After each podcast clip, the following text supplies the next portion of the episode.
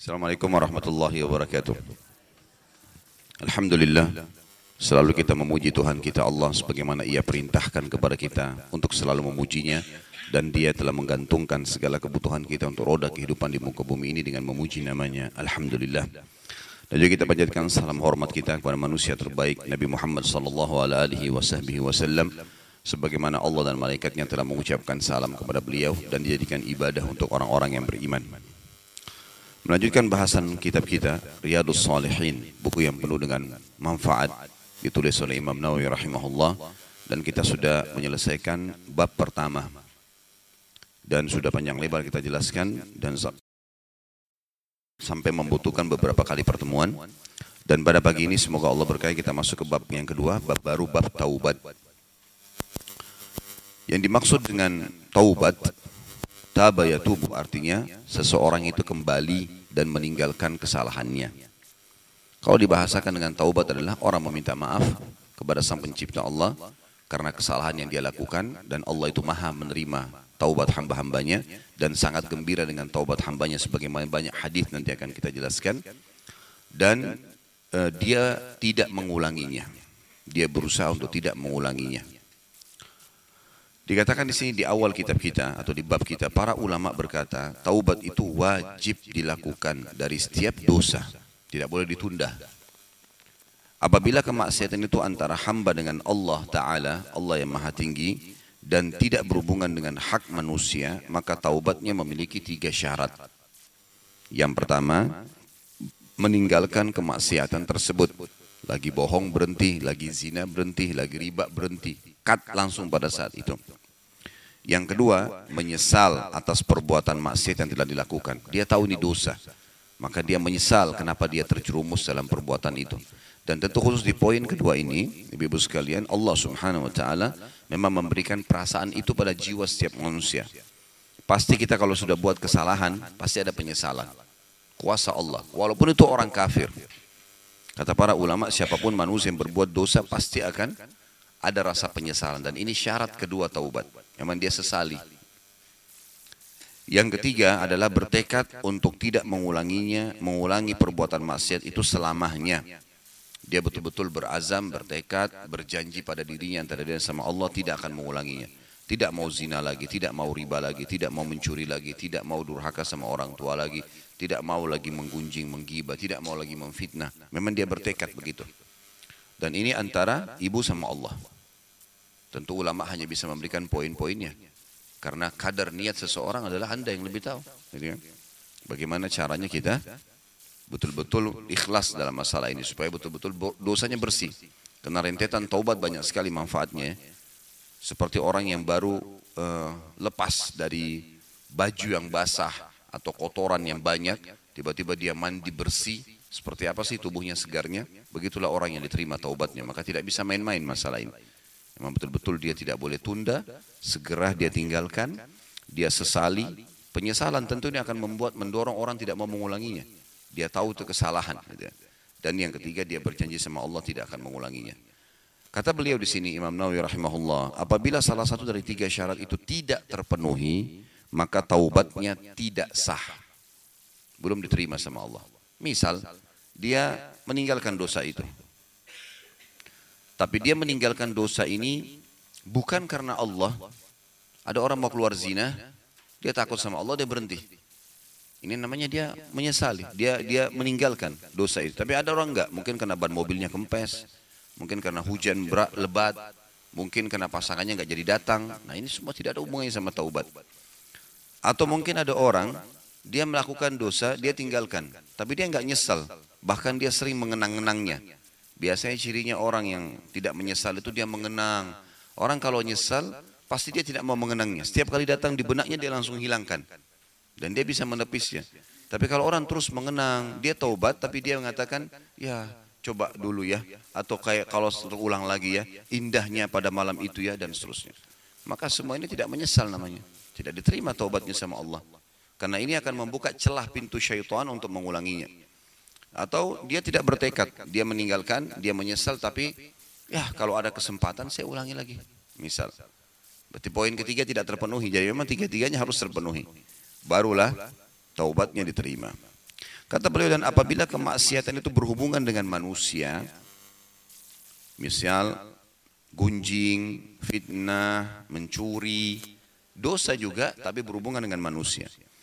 Maka syarat taubatnya ada empat, yaitu tiga syarat tadi di atas yang sudah disebutkan, dan yang keempat membebaskan diri dari hak pemiliknya. Misal mencuri, kembalikan barang curiannya. Misal menggunjing, dia meminta maaf. Ya, misal dia memfitnah, dia memperbaiki dan minta maaf. Ini semua syarat yang keempat. Apabila hak itu berupa harta atau sejenisnya, maka wajib mengembalikan kepadanya. Apabila berupa tuduhan zina atau sejenisnya, maka dia harus memberikan kesempatan kepadanya untuk menghukumnya atau meminta maaf kepadanya. Jika berupa gibah, gunjingan, maka dia harus meminta kehalalannya darinya. Wajib dikatakan di sini melakukan taubat dari semua dosa.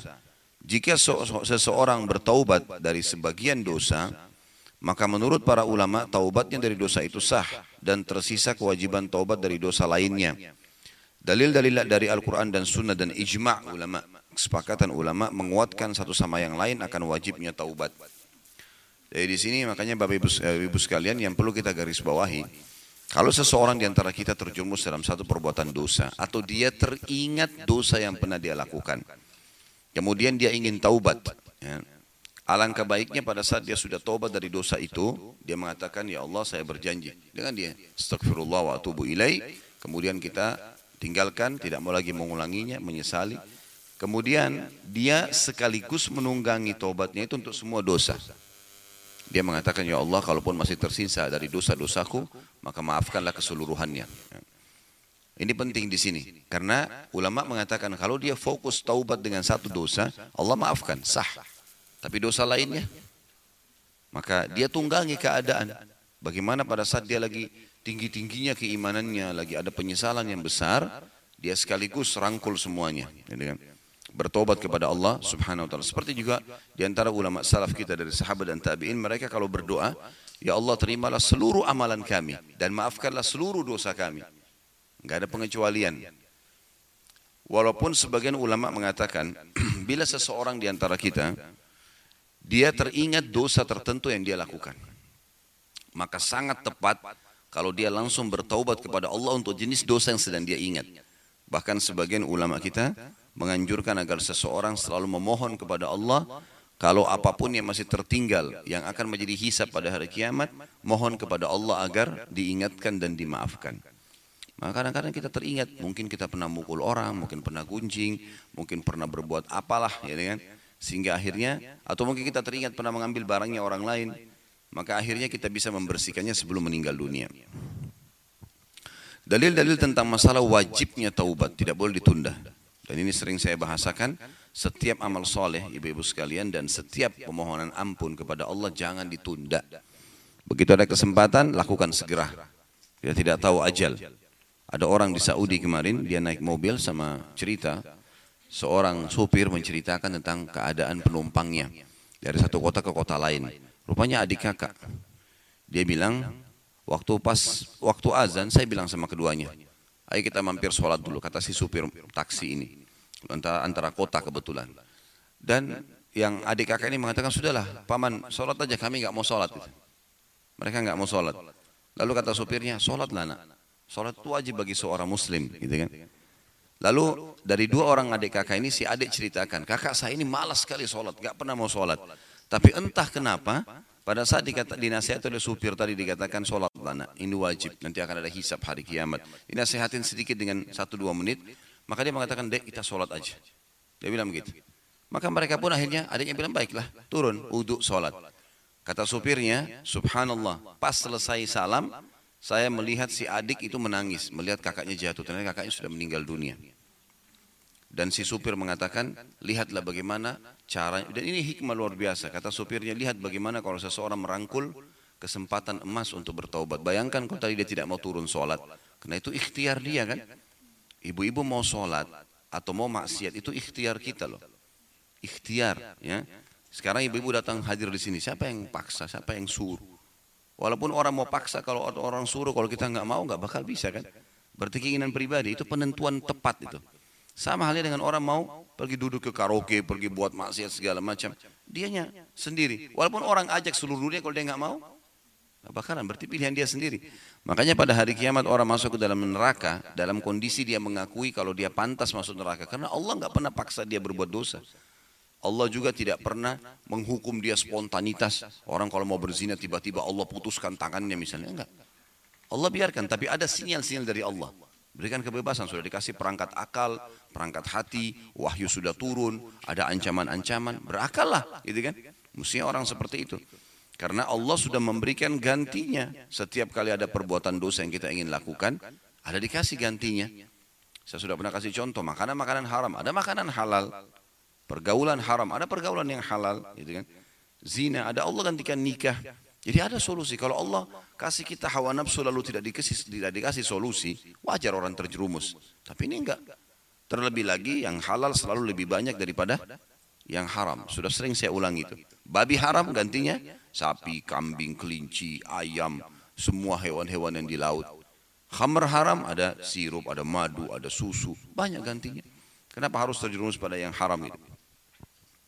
Dalil yang pertama adalah surah An-Nur ayat 31. Allah Subhanahu wa taala berfirman, "A'udzu billahi minasyaitonir rajim."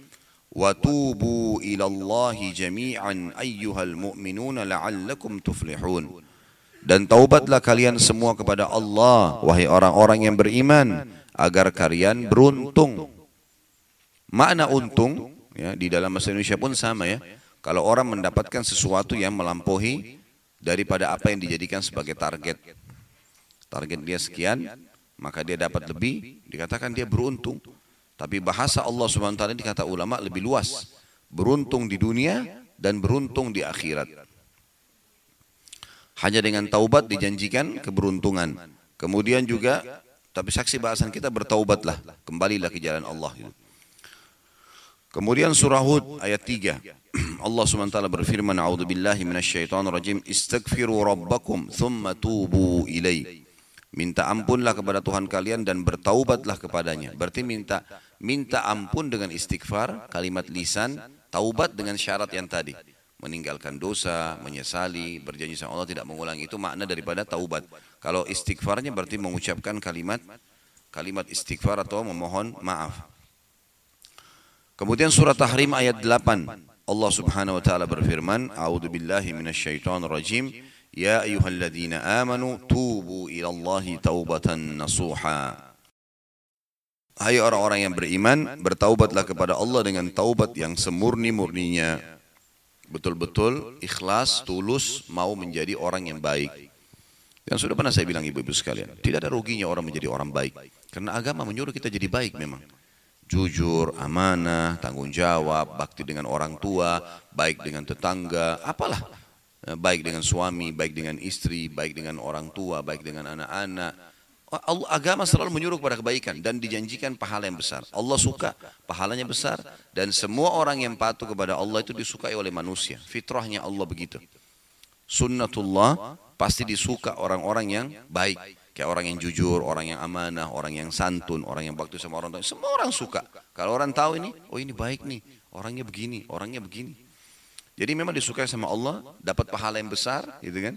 Dan juga oleh manusia disukai. Kita lihat kalau maksiat, semua yang Allah larang pasti buruk. Misalnya dusta, pendusta, pembohong, penipu, zalim, ya. apalah durhaka sama orang tuanya, kasar, suka mencuri, apa semua keburukan Allah nggak suka, ancamannya berat, manusia juga tidak suka. Kenapa kita mau jadi orang buruk nih? Dan sudah pernah saya bilang, jangan setengah-setengah. Orang yang tidak punya prinsip dalam hidupnya, ibu sekalian suka setengah-setengah. Jangan setengah-setengah. Sekaligus jadi orang baik. Ya. Atau memang sekaligus jadi orang buruk. Karena memang tengah-tengahnya nggak tepat ini. Tentu orang baik masuk surga, orang buruk. Bukan saya suruh jadi orang buruk, tapi orang jadi buruk, itu memang dia akan menikmatin keburukannya, tapi ujungnya neraka. Saya pernah ceritakan, kalau ada orang gabungkan keduanya, menggabungkan keduanya, misal dia mabuk jam 3 subuh, tapi dia jaga sholat lima waktu. Enak gak mabuknya? Sementara mabuk dia pikir sebentar lagi azan subuh nih. Enggak maksimal kan? Lah iya. Tapi coba kalau orang tidak tidak sholat sekalian, mabuk di jalanan, jatuh, tergeletak, dia nggak pikir sholat. Jadi orang yang gabungkan antara keduanya nggak dapat kenikmatan. Orang zina tapi dia orang mukmin, dia ketakutan sendiri, nggak berani. Dia mau bersentuhan, dia takut, dia ini takut. Jadi ngaco sendiri hidupnya, gitu kan. Tapi orang yang amburadul memang dasarnya suka dengan perbuatan orang mau lihat pun, orang tahu pun dia nggak peduli. Ini sekalian, tapi ini neraka loh, ya. Ini neraka. Tapi kita jadi orang baik, baik sekalian. Paling tinggi, paling tinggi olokan orang. Oh kamu alim ya sekarang? Ya Alhamdulillah. Jawab dong gitu kan. Iya Alhamdulillah. Saya baru tahu loh nikmatnya iman. Kalau saya tahu dari dulu saya jadi baik. Mudah-mudahan nanti kau ikut pengajian saya. Ya itu. Dakwahin. Ini baru dibilang, eh, jilbabnya kok lebar sekali ya bisa nyapu jalanan. Oh ubah lagi jilbab kembali. Gitu kan. Baru diolok sedikit sudah langsung berubah kembali. Jangan. Ya memang harus istiqomah. Jadi orang baik sekalian, nggak apa-apa. Paling tinggi olokan orang. Dan olokan orang hanya sepanjang lidahnya. Sama dengan pujian. Kamu hebat ya, kamu cantik ya, kamu kaya ya. Terus apa habis itu? Lidah saja. Sepanjang lidah. Sama dengan kalau dia burukin kita. Orang itu begini, orang itu begini, diceritain buruk. Sampai ke mana dia mau cerita? Udah, alam ini luas kok. Dia mau cerita, biar ini cerita sama tembok sana gitu kan. Kita di rumah, makan, minum, tidur, difitnah. Allah punya cara menghukumnya. Tidak ada ibu-ibu sekalian pelanggaran Allah di muka bumi lalu selamat dari hukumannya. Mustahil. Demi Allah akan dihukum sama Allah. Mustahil. Sekecil apa pun. Jangan heran ibu lagi jalan ke seliau tiba-tiba. Itu ada pelanggaran dosa di kakinya. Allah hukum. Punya cara. Gitu kan? Kan Indonesia suka salahin bantal. Padahal sebenarnya lehernya punya masalah. Itu banyak dosanya. Bantal yang salah. Bantal kita yang gerakin, kita yang atur. Dari mana salahnya bantal gitu. Allah punya cara. Allah pelintir sedikit uratnya di belakang encok dua minggu nggak bisa gerak. Banyak caranya Allah. Allah buat kembung nggak bisa keluar angin dari perutnya. Rawat rumah sakit banyak. Tapi tidak ada itu semua akibat dosa. Tidak ada dosa yang tidak ada pembersihannya. Mustahil. Kalau ibu faham poin ini, ibu tidak akan buat dosa. Kenapa? Karena dosa itu buruk sebenarnya. Kenikmatannya sedikit, akibatnya besar. Kita kalau berbuat zina satu jam, cukup Allah buat kita sakit satu bulan. Efeknya satu jam dibalas satu bulan. Begitu memang dosa. Enggak pernah dosa itu kita buat minum setetes hammer, naudzubillah. Kemudian kita disiksa misalnya cuma dengan sakit atau pahit dengan setetes minum air. Enggak. Balasannya nanti tiga bulan sakit. Banyak balasannya. Atau mungkin apalah ya segala macam cobaan datang. Tapi selalu efek dosa dari perbuatan kita pasti lebih besar. Sama dengan kalau kita buat ketaatan. Sedikit buat ibadah, efek balasannya besar. Saya sudah pernah jelaskan masalah sholat duha kan gitu. Lima menit sholat dua rakaat bu. Di tubuh manusia ada 360 sendi. Yang tiap hari dia harus bersodakah untuk menjaga sendi-sendinya. Dan dua rakaat sholat duha menutupi sodakah 360 sendi. Bayangin kalau satu sendi kita ini harganya sejuta. Kalau patah misalnya sendinya, ini sendi terkecil di jari kita. Baik kalau seluruh sendi kita itu satu juta ada satu. 360 juta per hari. Harus sodaka. Supaya sendinya bisa bagus. Dan kata Nabi apa? Dua rakaat sholat duha. Membantu itu. Menghilangkan. Menutupi sodaka 360 sendi. Lima menit. Kan sedikit kita lowongin waktu. Pahalanya besar. Gitu kan? Antara umrah ke umrah pengampunan dosa di antara keduanya. Baik umrah kita lakukan paling lama tiga jam. Seluruh dosa kita dari umrah itu ke umrah sebelumnya dibersihin semuanya. Tiga jam bersih dosa yang mungkin 10 tahun lalu kita umrah, sekarang kita umrah lagi. 10 tahun bersih. Hanya dengan tiga jam. Enggak ketemu enggak? Enggak bakal ketemu kan? Pengorbanan sedikit, manfaatnya banyak. Begitu amal soleh. Begitu luar biasanya. Mungkin ibu sholat dua rakaat sholat malam. Udah cukup Allah berikan kesehatan sebulan. Cukup. Sadaqah mungkin seribu rupiah atau sepuluh ribu rupiah. Udah cukup Allah berikan kita luar biasa. Mungkin anak soleh, mungkin pasangan jadi baik, mungkin penyakit jadi sembuh. Oh banyak sekali manfaatnya, banyak. Jadi lihat ya, ini rasional harus ditangkap karena ini perangkat untuk bisa menerapkan syariat. Perangkatnya adalah bagaimana seseorang mengetahui efek dari dosa lebih berat daripada perbuatannya. Maka jangan dilakukan. Sama dengan orang minum setetes racun atau segelas racun. Sekarang kalau orang minum segelas racun, cukupkah? Itu kan obatnya susu. Susu kan penetral, bisa mematikan racun gitu kan. Baik, cukupkah minum satu gelas racun dengan dibalas satu gelas susu? Kita mungkin butuh 2000 gelas susu untuk ngilangin satu gelas racun. Iya kalau bisa, mungkin 5000 gelas. Mungkin kita harus minum susu selama umur hidup kita. Kan jadi banyak. Masalahnya begitu kalau dosa. Dia pasti efeknya lebih berat. Jadi ini harus difikirkan ibu-ibu ini perangkatnya. Sama dengan amal soleh, sedikit kita kerjakan, maka efek manfaatnya besar. Siapa yang puasa satu hari di jalan Allah, Allah akan jauhkan dari api neraka 70 tahun. Dalam hadis muslim, sahih. Puasa sunnah saja atau puasa wajib. Ibu-ibu jalankan puasa, maka siapa yang puasa satu hari jalan Allah, niat karena Allah dia puasa, dari subuh hanya sampai maghrib. Habis malam, malam makan silahkan gitu kan. Hanya tahan, dijauhkan dari api neraka 70 tahun. Kan nggak berimbang gitu kan. Tapi seperti itulah. Makanya jangan buka pintu dosa ibu-ibu sekalian. Karena ada gantinya. Ada yang halal. Kenapa harus masalah kepada yang haram ini? Ya? Ini perlu dipahami. Jadi ini ada perangkat-perangkatnya. Perangkat ini tujuannya untuk bisa menerapkan syariat. Sama perangkat untuk tidak terbuka pintu hutang dan riba adalah penuhi kebutuhan bukan keinginan. Itu perangkatnya. Fahami dulu itu. Oh ternyata saya kalau belanja sesuatu saya harus beli kebutuhan, bukan keinginan. Kalau keinginan nggak selesai-selesai. Nah, sampai lemari di rumahnya sudah mau rubuh raknya, masih tambah baju. Hmm? Sampai bengkok-bengkok, hanger padat-padat. Belum tentu dipakai. Itu karena keinginan. Kadang-kadang ribut sama suaminya gara-gara nuntut beli sesuatu ke, keinginan bukan kebutuhan. Kalau kebutuhan lain. Dan pada saat kita sedang mau memenuhi kebutuhan kita, walaupun mahal nggak apa-apa. Misal kita lagi lapar, butuh makan kan, makan yang terbaik nggak apa-apa. Silahkan makan makanan yang paling mahal nggak masalah. Karena kita lagi butuh, gitu kan. Tapi kalau keinginan kita baru makan dua piring sini. Tiba di sana, oh di sana ada lagi tuh somai, makan lagi dua piring. Sana ada lagi nih, makan lagi di sana.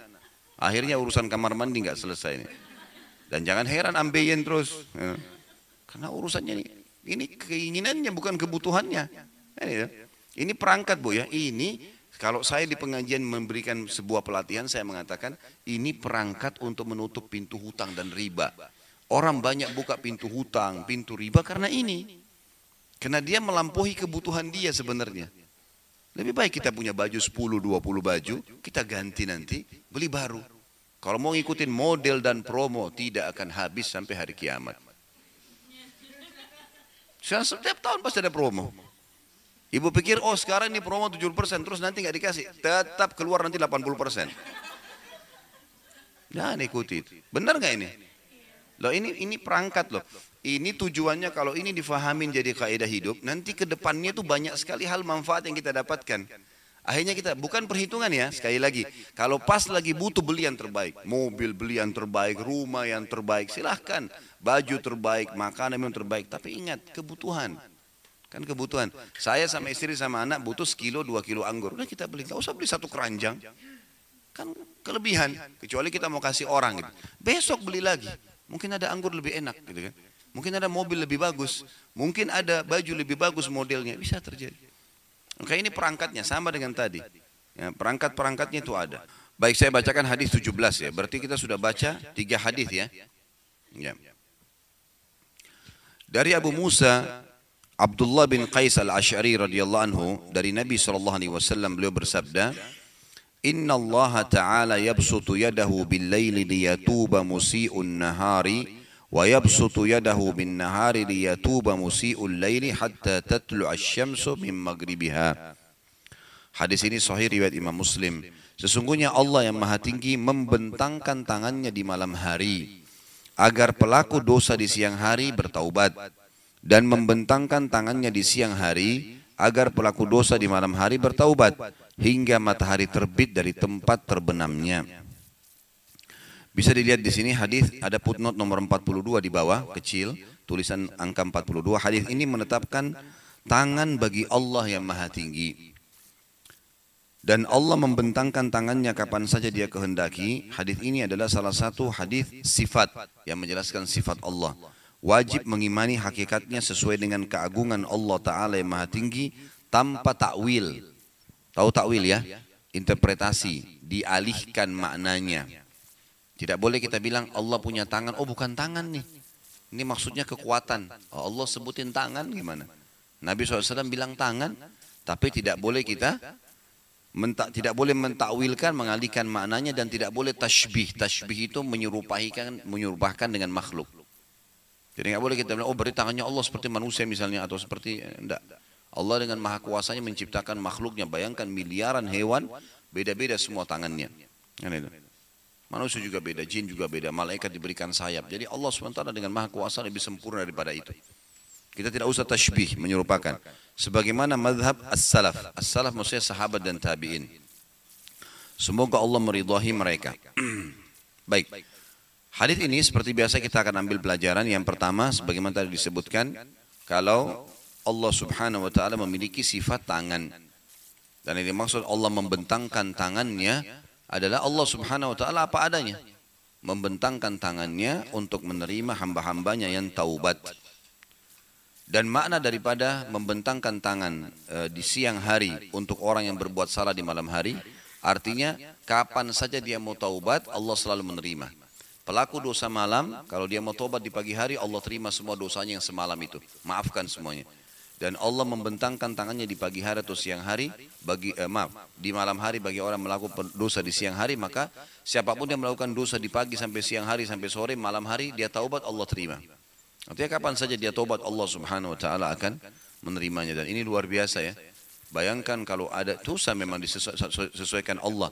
Tidak mungkin Allah disamakan dengan makhluknya, mustahil. Bukan maksud saya menyamakan, tapi saya kasih rasional supaya mudah difahami. Kalau ada pimpinan perusahaan yang selalu bilang, pokoknya siapa saja pegawai saya buat salah, 24 jam saya maafkan. Belum buat salah ini.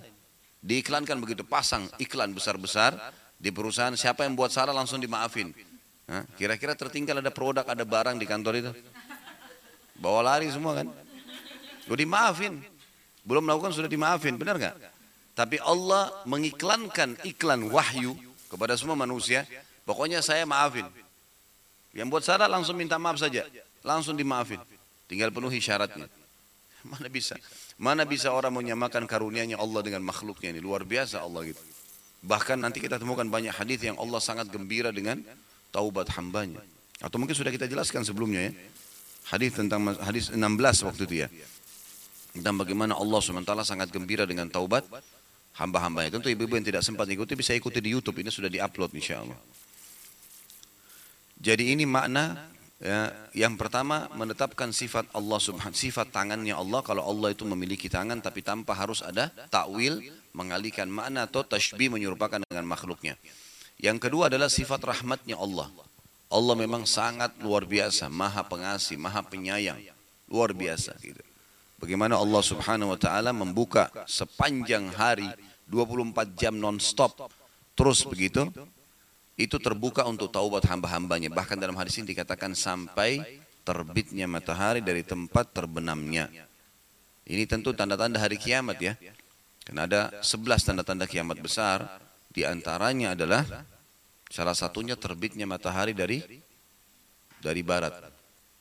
Terbitnya matahari dari barat. Tentu ini secara ilmiah sekarang sudah bisa ditangkap ya. Kalau di zaman dulu apa adanya diimani. Matahari terbit dari timur, terbenam di barat, maka seperti yang dimaksud terbit dari barat nanti akan terbit dari barat. Sekarang secara ilmiah sudah terbukti. Jadi rotasi yang terjadi sekarang, gitu kan, perputaran bumi mengelilingi sekarang ini, gitu kan. Ini bukan mustahil terbalik nanti. Menjelang hari kiamat terbalik. Sehingga memang perputaran yang tadinya 365 hari itu, yang dalam satu tahun bumi mengelilingi matahari itu, maka akan berbalik nanti. Kalau berbalik kan otomatis berarti memang dia akan terbit kelihatan matahari dari arah barat. Dan ini hanya terjadi pada saat menjelang hari kiamat. Hanya terjadi pada saat akan kiamat. Dan para ilmuwan sekarang mengatakan bukan mustahil satu hari terjadi perputaran itu. Bukan mustahil. Karena sekarang tidak ada yang manusia mengatakan pun tidak tahu siapa yang mengatur. Orang-orang ateis mengatakan siapa yang mengatur bumi sampai begitu rapinya berputar dan terhitung 365 hari dalam setahun. Kita sih cuma tahu oh ini hari Senin, Selasa, Rabu, Kamis. Ibu-ibu cuma tahu atur makanannya apa, minumannya apa, baju apa gitu. Tapi ini sebuah luar biasa karya yang tidak bisa dibayangkan oleh akal manusia. Para ilmuwan dan ateis pun yang tidak mengakui Allah mengatakan ini Luar biasa ini karya yang susah untuk dibayangkan. Bisa begitu rapi sampai bumi kalau lewat sehari saja misal 366 hari itu sudah cukup untuk bumi terbakar. Ya. Atau kalau dia lambat sehari 365 hari terlambat saja itu sudah cukup dia jadi beku. Ya. Jadi harus di situ perputarannya. Allah mengatakan kullun fi falakin yasbahun. Semuanya berputar sesuai dengan yang sudah diatur. Nah makna daripada kalimat sampai matahari terbit dari tempat terbenam bisa terjadi berbalik itu. Perputaran yang tadinya membuat matahari kesannya, kan matahari sebenarnya itu terbit dan terbenam itu istilah bumi ya. Karena matahari tetap aja begitu. Matahari itu nggak pernah gelap. Tetap dengan cahaya panas ya kan. Cuma bumi ini yang berputar. Wilayah yang pas berputar menghadap ke matahari dia jadi pagi dan siang.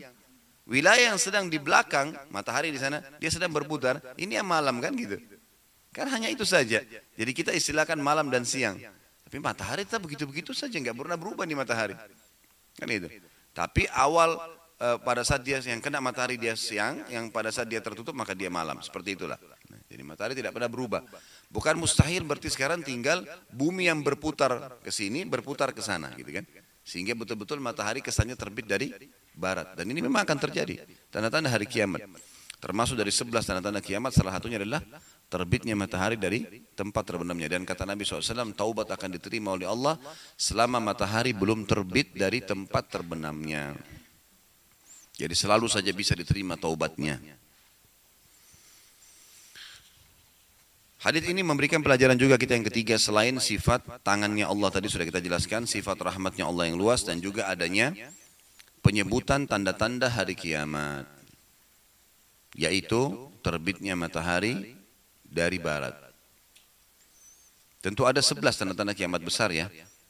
Yang kata Nabi SAW eh, di dalam sebuah hadis, hitunglah sepuluh tanda-tanda kiamat besar. Gitu. Sepuluh tanda tanda yang besar lalu ditambah dengan yang satu di hadis yang lain. Gitu. Jadi uh, yang pertama itu adalah keluarnya Dajjal. Kemudian yang kedua, nanti akan ada bahasan itu ya. Ada bab sendiri masalah tanda-tanda kiamat. Kemudian nanti akan ada turunnya Nabi Isa. Ya. Riwayat yang lain menyebutkan adalah keluarnya Mahdi dari Madinah. Ini riwayat tambahan, tapi dalam hadis ini sepuluh berentetan adalah Dajjal keluar, turunnya Nabi Isa, kemudian uh, keluarnya Ya'juj Ma'juj. Tiga. Yang keempat itu uh, keluarnya longsor yang terjadi di tiga wilayah. Jadi Jazirah Arab di baratnya dan di timurnya. Berarti di Jazirah Arab akan terjadi longsor besar yang tidak bisa lagi ditimbun oleh manusia. Di baratnya berarti di Afrika dan di timurnya berarti di Asia. Ya. Itu nanti tanda-tanda hari kiamat. Kemudian juga tanda-tanda kiamat yang selanjutnya adalah keluarnya api dari wilayah Aden. Aden itu kota di Yaman. Dan sekarang ini para ilmuwan sudah menemukan ada wilayah di padang pasir sangat panas di wilayah Aden. Saya disampaikan oleh teman saya orang Yaman, dia bilang di wilayah Aden itu ada wilayah panas sekali. Dan itu ternyata memang ditemukan oleh para ilmuwan setelah digali ke bawah itu ditemukan ada api yang besar. Di bawah tanah itu. Entah apakah itu gunung berapi, tapi yang jelas api. Dan memang ada hadis yang menjelaskan tanda-tanda kiamat ini juga termasuk keluarnya api dari wilayah Aden. Udah berapa tuh? Lima. Yang keenam itu adanya eh, asap, ya, asap atau mendung ya, eh, kabut, kabut yang menutupi hampir seluruh dunia ini. Gak akan terjadi itu tentunya. Allah alam itu kapan tapi kita tidak tahu. Ini tanda-tanda hari kiamat. Kemudian keluarnya dabah Dabba ini yang ketujuh ya, ini hewan melata. Hewan melata ini berbulu, badannya seperti manusia, dia bisa berjalan tapi badannya semuanya bulu dan dia bisa berbicara seperti bahasa manusia. Mengingatkan manusia tentang masalah jauhnya mereka dari jalan Allah. Kemudian juga adanya, eh, kalau saya tidak salah itu, tidak salah ingat ya, itu adanya angin yang berhembus yang akan mencabut nyawa seluruh orang-orang yang beriman. Sebagaimana sabda Nabi SAW tidak akan terjadi kiamat kecuali pada orang-orang yang buruk. Dan Allah akan meniupkan angin dari arah negeri Syam yang akan mencabut nyawa setiap orang yang beriman. Sampai kalau kalian yang beriman ini sembunyi dalam gunung, angin itu niscaya akan masuk dan menurut nyawanya. Kan? Baru yang terakhir yang ke sepuluh masalah terbitnya. Yang ke sepuluh gimana? Hah? Kita ulangi ya. Keluarnya Dajjal, turunnya Nabi Isa, terus Yajuj wa Majuj. Kemudian longsor. Mahdi belum, Mahdi nanti riwayat. Saya bilang tadi ada 11, Imam Mahdi itu riwayat lain. Jadi kita hitung sekarang yang hadis pertama dulu, 10. Hah? Longsor yang keempat. Terus keluarnya api dari Adan yang kelima. Keluarnya kabut ya. Yang keenam. Dabah yang ketujuh. Terus angin yang berhembus. Baik, berarti yang kesembilan uh, baik ini terbitnya matahari kemungkinan. Tadi yang saya bilang uh, oke okay, angin tadi ya. Uh, yang kesembilan mungkin masuklah ini. Ya masalah terbitnya matahari dari barat. Walaupun ini sebenarnya yang ke sepuluh ya. Saya tidak teringat sekarang yang ke sembilan itu. Tapi yang jelas ada satu lagi terjadi kemudian akan terbitnya matahari dari timur ini. Yang paling terakhir ini. Dari barat ya. Maksud saya terima dari barat. Ini nanti yang ke sepuluh. Kalau saya teringat sebentar insya Allah saya akan sebutkan. Yang jelas ada sepuluh tanda-tanda kiamat besar. Riwayat lain menjelaskan adalah masalah keluarnya Mahdi dari Madinah. Karena ada hadis yang berbunyi akan keluar dari keturunanku nanti orang yang sama dengan namaku, sama dengan fisikku, ya, tapi tidak sama dengan akhlakku. Namanya seperti nama Nabi SAW, Muhammad bin Abdullah. Fisiknya sama dengan Nabi, rambutnya, kulitnya, matanya sama persis dengan Nabi. Tapi akhlaknya bukan seperti akhlakku. Karena tidak mungkin orang sama dengan Nabi SAW dari sisi akhlak. Gitu kan? Seperti itulah. Ini kurang lebih. Tapi salah satunya adalah saksi bahasan kita terbitnya matahari dari dari barat ini. Hadis ini memberikan pelajaran yang luar biasa kalau kita gabungkan ketiga manfaatnya adalah bagaimana Allah Subhanahu wa taala membuka dirinya untuk menerima taubat hambanya sampai sebelum hari kiamat. Artinya siapa pun yang hidup sampai zaman itu sebelum terbit matahari dari barat dia akan diterima taubatnya. Hadis ke-18 dari Abu Hurairah radhiyallahu anhu beliau berkata Rasulullah sallallahu alaihi wasallam bersabda Man taba qabla an tatlu asy-syamsu min maghribiha taba Allahu alaihi.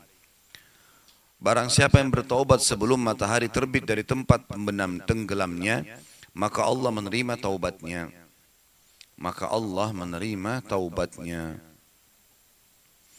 Hadis ini riwayat Imam Muslim dan hadis ini melengkapkan sebenarnya hadis bahasan sebelumnya sama. Siapa yang taubat, memohon maaf sebelum terbit matahari dari tempat tenggelamnya atau terbenamnya, maka Allah menerima taubatnya. Langsung saja kita masuk ke hadis 19 karena ini kurang lebih tadi 18 menguatkan yang 17. Dari Abu Abdurrahman Abdullah bin Umar bin Khattab radhiyallahu anhu ajma'in dari Nabi sallallahu alaihi wasallam beliau bersabda, "Inna Allah azza wa jalla yaqbalu taubatal 'abdi ma lam yughargir." Sesungguhnya Allah yang maha tinggi dan maha mulia menerima taubat seorang hamba selama ruhnya belum sampai pada kerongkongannya. Riwayat Imam Tirmidzi dan beliau berkata hadis hasan. Ada hadis-hadis Nabi SAW di antaranya doa kesedihan yang berbunyi siapa pun yang sedih, yang sumpah, yang punya masalah dia membaca Allahumma inni abduka Ya Allah saya adalah hambamu wabni abdika dan anak hambamu wabni amatika. Maksudnya anak hamba laki-lakimu adalah ayahku. Anak ayahku ini anak ayah anak hamba laki-lakimu.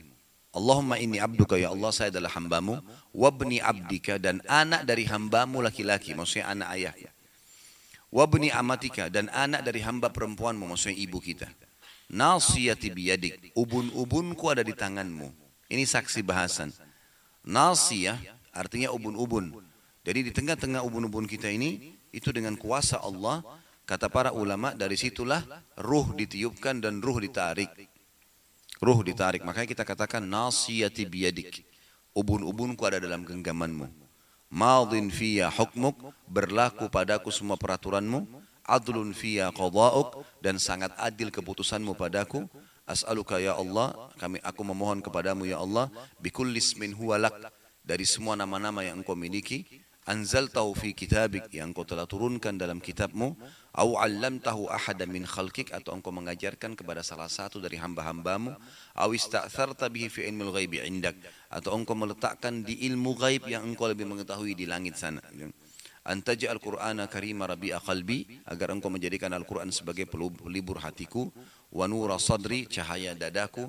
Wa jala'a huzni wa dhihaba hammi wa ghammi wa, uh, wa amradi. Dan semoga juga menjadi penghilang kesedihanku, masalahku dan juga penyakit-penyakitku. Kata Nabi SAW, siapa yang baca ini maka Allah akan ganti kesedihannya menjadi kegembiraan. Tapi saksi bahasan kita adalah ubun-ubun di tangan Allah. Ya, nanti akan kita hubungkan dengan bahasan kita. Juga ada hadis tentang masalah ruhnya, keluarnya ruh manusia. Yang kata Nabi SAW, kalau orang mukmin akan meninggal, maka akan duduk di sebelah kiri kanannya malaikat rahmah, membawa kain kafan dari surga dan malaikat maut di ubun-ubun kepalanya. Karena prosesi penarikan dari situ. Gitu kan? Masuknya ruh dari ubun-ubun dikeluarkan juga dari ubun-ubun. Ya. Maka di sini sebagian ulama mengatakan makna daripada hadis Allah akan menerima taubat hamba selama ruhnya belum sampai ke kerongkongannya.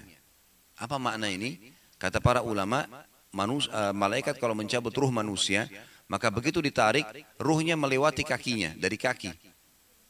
Terus naik sampai ke lututnya, sampai ke pahanya, sampai ke perutnya, sampai ke selama belum tiba di kerongkongan, karena sudah dekat untuk dicabut. Maka masih bisa diterima taubatnya. Tapi tentu ini ini bahasa maknanya adalah Allah memberikan kesempatan untuk taubat karena kita tidak tahu kalau roh kita sudah mau dicabut. Allah alam bisa sempat taubat atau tidak. Tapi ini makna ibarat adalah begitu luar biasanya luasnya rahmatnya Allah. Dan memberikan pelajaran kepada kita memang kalau ruh itu akan ditarik. Ada sebuah penelitian yang pernah saya lihat. Sebagian orang-orang ateis ini. Orang-orang ateis, mereka kan penasaran tidak ada Tuhan. Tapi mereka akhirnya, apa nih setelah mati? Ini orang-orang mati semua diapain nih? Gitu kan? Ke mana mereka semuanya? Maka mereka penasaran, mereka taruh kamera super canggih di ruangan satu pasien yang sedang sakit parah di rumah sakit. Mereka tunggu ini orang kalau mati apa sih yang terjadi sebenarnya? Maka dengan kamera canggih itu pun yang kelihatan adalah uh, semacam suhu panasnya badan itu. Jadi masih merah semua badannya. Saya lihat sendiri cuplikannya itu masih merah. Dan pada saat orang itu melalui proses kematian, maka suhu panas merah itu berubah menjadi biru. Memang dari kakinya, jadi dari kaki itu berubah tiba-tiba jadi biru, jadi biru, merahnya kedorong, kedorong, kedorong sampai ke atas kepalanya.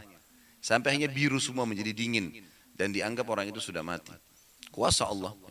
Tapi alhamdulillah kita sebagai orang muslim walaupun tidak ada penelitian begini kita sudah tahu. Jadi kalau ibu-ibu faham kalau kita orang Islam sebenarnya sangat dimanjakan sama Allah itu luar biasa. Bayangkan kita tidak usah capek-capek cari Tuhan. Sudah kalimat la ilaha illallah yang kau lihat di langit dan kau tidak lihat, yang kau lihat di bumi yang kau tidak lihat, jenisnya, warnanya, coraknya, ragamnya, semua yang ciptakan, yang miliki, yang urus, yang musnahkan Allah. Selesai. Gak usah repot-repot cari Tuhan. Udah tahu, bangun tidur, bangun lahir sudah begitu. Gitu kan? Maka tinggal cara hidup, baik makan, minum, bergaul, pakai baju, tutup aurat, apa segala lah. Semua diajar sampai cara kita berhubungan dengan Allah. Sujud, sholat ya, doa, zikir dan seterusnya. Semuanya sudah dimanjakan oleh Allah. Kalau seorang seseorang faham itu sebenarnya dia sangat bersyukur menjadi seorang muslim. Karena punya panduan hidup. Dia rapi sekali. Sampai dia tahu dari mana awal kisah manusia sampai akhirnya mau ke mana nanti. Dari Adam alaihissalam diciptakan Hawa dan seterusnya turun di bumi lalu turun syariat nabi-nabi para rasul terjadinya orang kafir orang beriman. Panjang lebar diceritain sampai terjadi kiamat. Nanti akan terjadi pada saat kiamat ada tanda-tandanya. Kemudian kiamat kalau terjadi seperti apa nanti di, di alam barzah di kuburan-kuburan itu seperti apa. Panjang lebar ceritanya semua ini. Di kuburan bisa taman dari taman surga lubang dari lubang neraka nanti dibangkitkan. Bagaimana proses pembangkitan? Diceritakan dalam banyak hadis. Ini dalam buku kita ada semua nanti. Ada bahasa nanti ke depan ke depannya yang jelas nanti pada saat di mahsyar dibangkitkan seperti apa. Kemudian hisap timbangan amal. Nanti kemudian ada surga, neraka. Surga itu seperti apa, neraka seperti apa. Sudah terinci semuanya. Sudah terinci semuanya gitu kan. Saya bedah sebuah buku kecil. Bukunya kecil sekali sebenarnya. Rasulullah SAW cerita surga dan neraka di, di, di Youtube ya.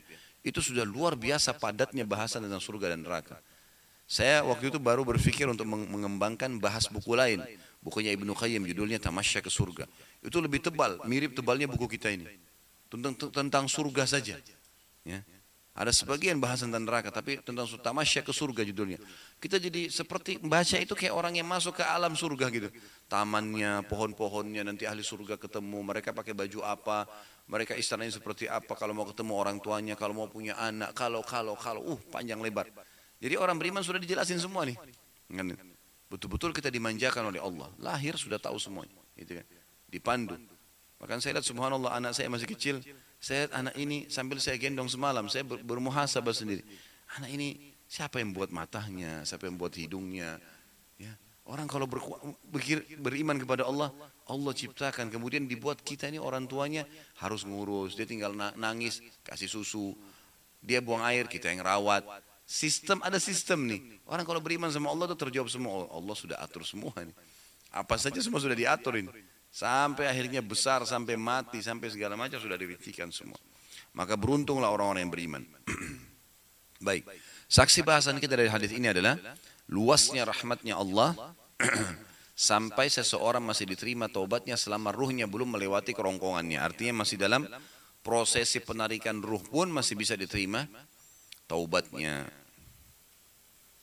Hadis 20 dari Zir bin Hubaish Beliau berkata, "Ataitu Safwan ibn ibn Assal radhiyallahu anhu as'aluhu 'anil mashi 'anil alal khuffain."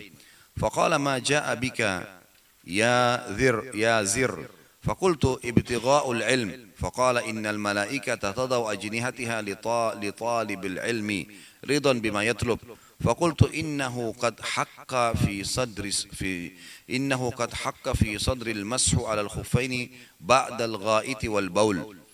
وكنت وكنت امرأ من أصحاب النبي صلى الله عليه وسلم فجئت أسألك هل سمعته يذكر في ذلك شيئا؟ قال نعم. قال يأمرنا إذا كنا سفرا أو مسافرين ألا ننزئ خفافنا ثلاثة أيام ولياليهن إلا من جنابة لكن من غائط وبول ونوم. فقلت هل سمعته يذكر في الهوى شيئا؟ قال نعم كنا مع رسول الله صلى الله عليه وسلم في سفر فبين نحن عنده إذ ناداه أعربي بصوت له جهوري. يا محمد فأجابه رسول الله صلى الله عليه وسلم نحوا من صوته ها أم. فقلت له ويحك أدغت من صوتك فإنك عند النبي صلى الله عليه وسلم وقد نحيت عن هذا. فقال والله لا أدغت قال الأعربي المرء يحب القوم ولما يلحق بهم. قال النبي صلى الله عليه وسلم المرء مع من أحب يوم القيامة فما زال يحدثنا حتى ذكر بابا من المغرب مسيرة عرضه أو يسير الراكب في عرضه أربعين أو سبعين عاما. قال سفيان أحد الرواة قبل, قبل الشام خلقه الله تعالى يوم خلق السماوات والأرض مفتوحا للتوبة لا يغلق حتى تطلع الشمس منه. Aku mendatangi Safwan bin Asal radhiyallahu anhu. Jadi yang bercerita adalah Zir bin Hubaish, seorang tabi'in yang sangat rajin nuntut ilmu. Dia mendatangi Safwan bin Asal, ini sahabat Nabi. Untuk bertanya kepadanya tentang hukum mengusap mengusap kedua khuf. Dan khuf adalah ada footnote nomor 43 adalah sepatu dari kulit yang menutupi mata kaki. Atau kalau kita sekarang kaos kaki ya. Apa hukumnya nih khuf? Gitu kan? Boleh nggak diusap? Karena kan ada usul mengusap. Nanti kita jelaskan sebentar. Beliau bertanya, apa yang membuatmu datang? Maksudnya Safwan bin Asal bertanya kepada Zir. apa yang membuatmu datang wahai Zir? Aku menjawab, mencari ilmu. Beliau berkata, sesungguhnya Para malaikat meletakkan sayap-sayapnya bagi para pencari ilmu. Ada di sini kalimat yang tertinggal dari terjemahan ya. Waktu ditanya, apa yang membuatmu datang? Oh ya baik, kita jalankan dulu. Aku mencari ilmu, dia bilang aku, menjawab, aku menjawab mencari ilmu. Beliau berkata, sesungguhnya para malaikat meletakkan sayap-sayapnya bagi pencari ilmu karena ridho dengan apa yang dia cari. Aku berkata, sesungguhnya telah ada keraguan dalam dadaku telah tentang mengusap kedua khuf setelah buang air besar dan kecil. Sedangkan anda adalah seseorang dari sahabat Nabi Sallallahu Alaihi Wasallam. Maka aku datang untuk menanyakan kepada anda, apakah anda pernah mendengar beliau menyebut sesuatu tentang itu?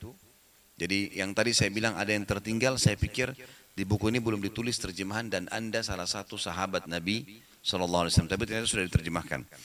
Beliau menjawab, si Safwan, iya.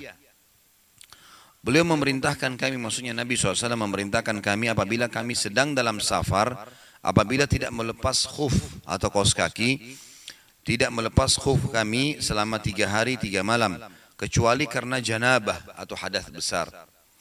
Akan tetapi tidak melepasnya karena buang air besar dan kecil, serta tidur kalau hanya karena hadas kecil.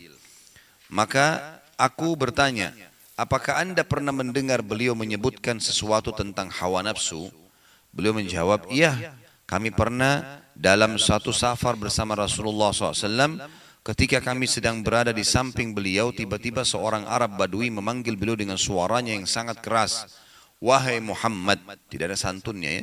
Tidak mengatakan wahai Rasulullah, wahai Nabi, tapi dengan teriak memanggil nama. Maka Rasulullah SAW menjawab dengan suara yang menyamai suaranya. Ya, saya telah mendengarmu. Maka aku berkata kepadanya, kepadanya kepada orang Arab Badui.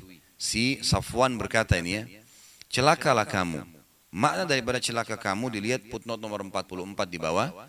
Waihak atau celakalah kamu adalah ungkapan yang menunjukkan rasa kasihan dan ibah. Tidak dimaksudkan untuk mendoakan keburukan untuknya. Rendahkan suaramu karena kamu sedang di hadapan Nabi Shallallahu Alaihi Wasallam dan kamu telah dilarang melakukan itu. Enggak boleh melakukan ini, enggak boleh teriak-teriak depan Nabi.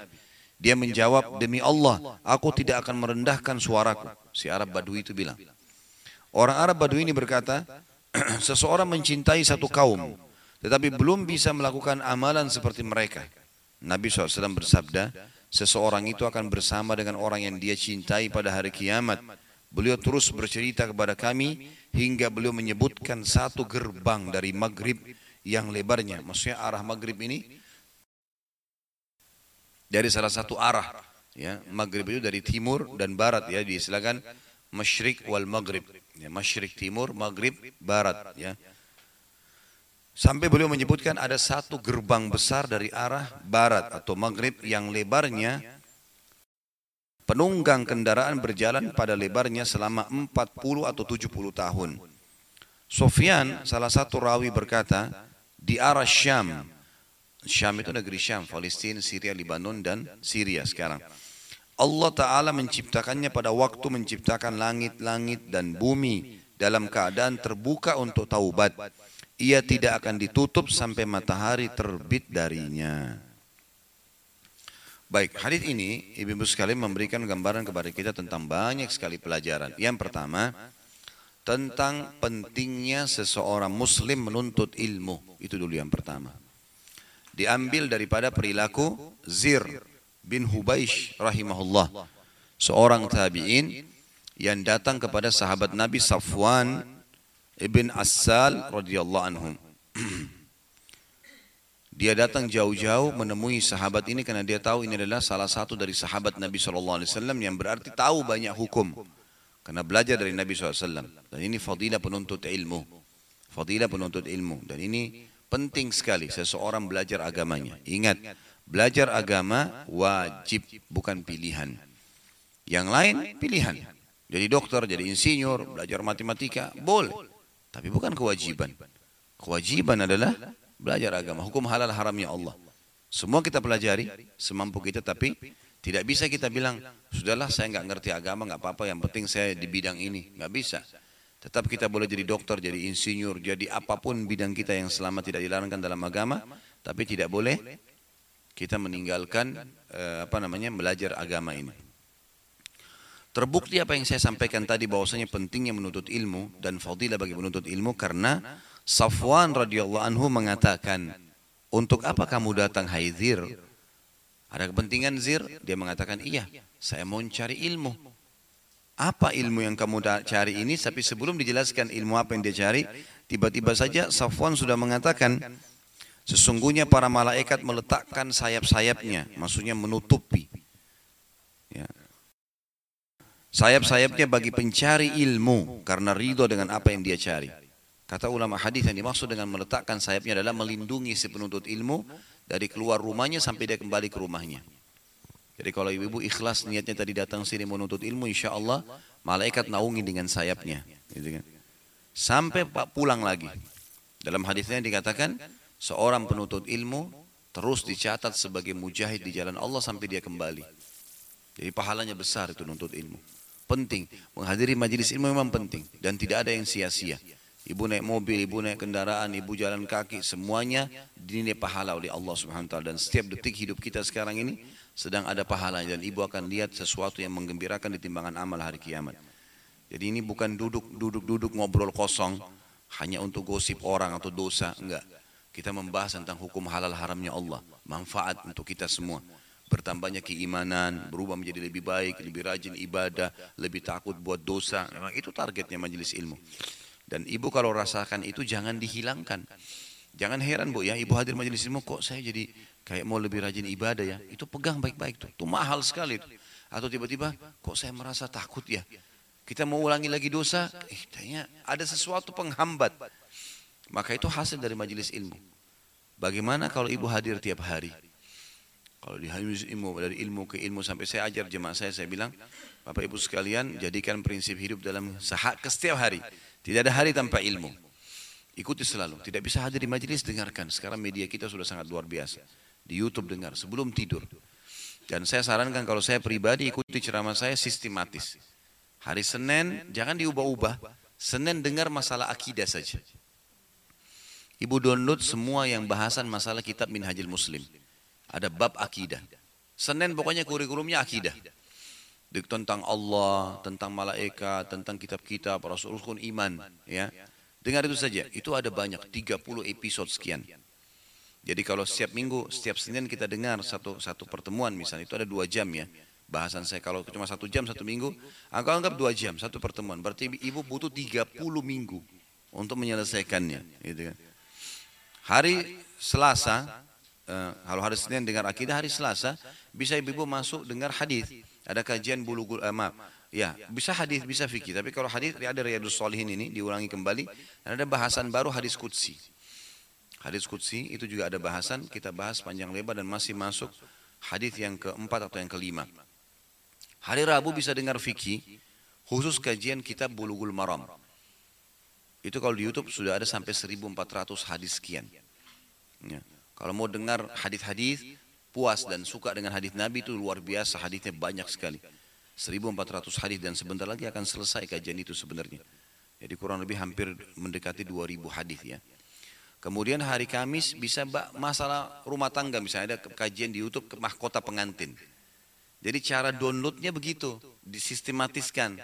Karena tujuan saya sebenarnya untuk itu banyak orang ikuti ceramah saya tapi diacak sama dia lagi kosong Khalid nama apa saja yang muncul didengar dia nggak bagus tapi nggak sistematis nanti.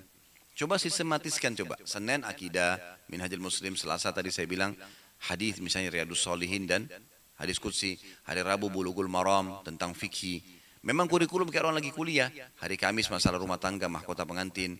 Hari Jumat misalnya, ini malam ya, malam mau tidur, ajak suami sama-sama atau sama anak, dengarin. Hari Jumat bisa dengar sirah Nabi. Khusus sejarah Nabi saja. Hari hari hari Sabtunya dengar tentang serial sahabat. Hari Minggunya bisa dengar atau hari Ahadnya bisa dengar kabair, dosa-dosa besar. Ini masih ada loh, masih ada bahasan-bahasan yang lain. Tapi ini contoh saja saya buatkan sistematis gitu. Dan ini akan lebih rapi, akan membuat ibu ikutin. Jadi kayak begini, kayak kajian buku begini. Kita bahas hadis sekian, buka lagi pertemuan akan datang, oh hadis yang kesekian berlanjut. Itu didengar. Apalagi kalau bisa di-download, ditaruh di flash disk, ya, di hard disk, dicolok di mobil, ada orang subhanallah begitu. Jadi dia begitu starter mobilnya sudah langsung di luar layar itu ceramah saya yang keluar. Saya jadi itu bisa membantu gitu, ya, bisa sangat membantu untuk itu. Baik. Kita kembali di sini masalah pentingnya menuntut ilmu dan fadilahnya dan salah satunya mendapatkan naungan sayapnya malaikat. Ini pernah ada kejadian nyata di Irak ibu-ibu sekalian.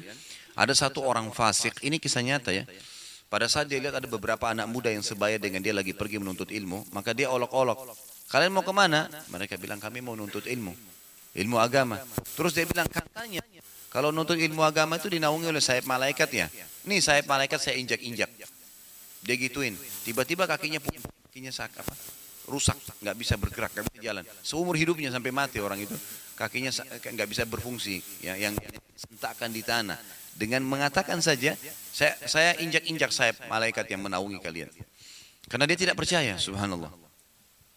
Makna lain kata ulama adalah yang dimaksud dengan dinaungi oleh sayap malaikat, malaikat akan menjaganya asal dia niat nuntut ilmu, maka tidak akan ada yang membahayakan dia kecuali ajalnya datang. Kalau sudah saatnya dia mati, dia mati. Kalau enggak, asal keluar untuk ilmu maka akan dinaungi oleh Allah, uh, oleh malaikat dengan izin Allah tentunya. Ini fadilah orang menuntut ilmu. Ini pelajaran kita yang pertama ya. Dan di sini termasuk pelajaran yang kedua, dalam majelis ilmu tidak boleh malu bertanya. Boleh kita bertanya, tapi pertanyaannya dengan adab dan tata krama. Dengan baik gitu kan. Dan to the point menanyakan masalah, apalagi yang sedang dibahas gitu kan. Jadi memang kita butuh untuk bertanya karena tidak faham. Bukan karena mau mengetes pemateri, bukan karena mau menunjukkan sama teman-temannya kalau dia hebat. Ada orang begini kadang-kadang dia bertanya nih, orang lagi jawab dia berdiri, cari minuman, makan. Berarti orang ini nggak niat nanya ini. Orang kalau niat nanya dia dia butuh dengar, gitu kan? Ini enggak. Yang penting dia tunjukin sama teman-temannya, oh dia hebat bertanya. Apa gunanya ini? Ria. Enggak ada gunanya. Dan termasuk adab dalam ilmu adalah kalau sudah faham jangan bertanya. Karena pertanyaan hanya bagi yang tidak faham. Udah ambil ilmunya amalkan, selesai. Ya kan? Seperti itulah. Karena di sini waktu ditanya tadi Zir oleh Safwan radhiyallahu anhu, untuk apa kamu datang? Dia bilang saya mau mencari ilmu. Lalu beliau sebelum orang muridnya bertanya, dia bilang, ketahuilah sesungguhnya para malaikat meletakkan sayap-sayapnya bagi para pencari ilmu karena ridho dengan apa yang dia cari. Lalu mulailah si murid bertanya, Zir bertanya kepada gurunya Safwan. Sesungguhnya telah ada keraguan dalam dadaku tentang mengusap kedua khuf setelah buang air besar dan buang air kecil. Sedangkan anda adalah seseorang dari sahabat Nabi SAW. Maka aku datang untuk menanyakan kepada anda, apakah anda pernah mendengar beliau menyebutkan sesuatu tentang hal itu? Jadi ini pertanyaan yang penuh dengan adab dan tata kerama. Adabnya adalah dia mengatakan, saya punya masalah tentang masalah masul khuf, mengusap khuf atau kos kaki. Kan hukum agama kita, kalau ibu-ibu keluar rumah sudah pakai kos kaki.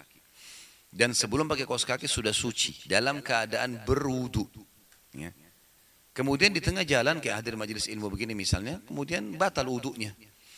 Batal wuduknya, mungkin maaf keluar angin atau buang air kecil, buang air besar. Selama bukan junub, maka untuk wuduk lagi cukup kaos kakinya diusap.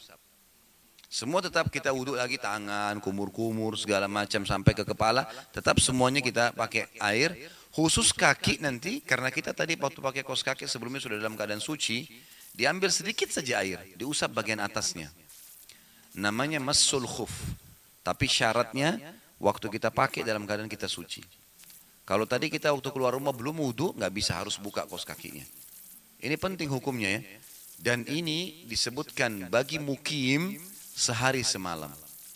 Kayak orang mukim sehari semalam. Kalau orang musafir, tiga hari tiga malam. Dan ini terutama sangat bermanfaat sekali hukumnya bagi orang yang hidup di wilayah dingin. Lagi musim dingin, lagi musim salju, orang pakai kos kaki. Susah kalau dia harus selalu buka kos kakinya. Jadi bagi mukim boleh sehari semalam, bagi musafir boleh tiga hari tiga malam. Tentu ini boleh siapa saja ya, walaupun bukan musim dingin boleh. Kayak di sini di Jakarta pun boleh diterapkan. Namanya hukum masal khuf. Sahabat Nabi ini fokus kepada pertanyaannya. Ini penting ya. Jadi kalau ibu mau bertanya, apa hukumnya ini misalnya. Tidak usah bercerita panjang lebar ke mana-mana. Karena kalau bercerita ini mungkin memakan waktu. Belum tentu juga akhirnya si penanya memahami apa yang sedang atau sampai pada target yang dia inginkan. Ya.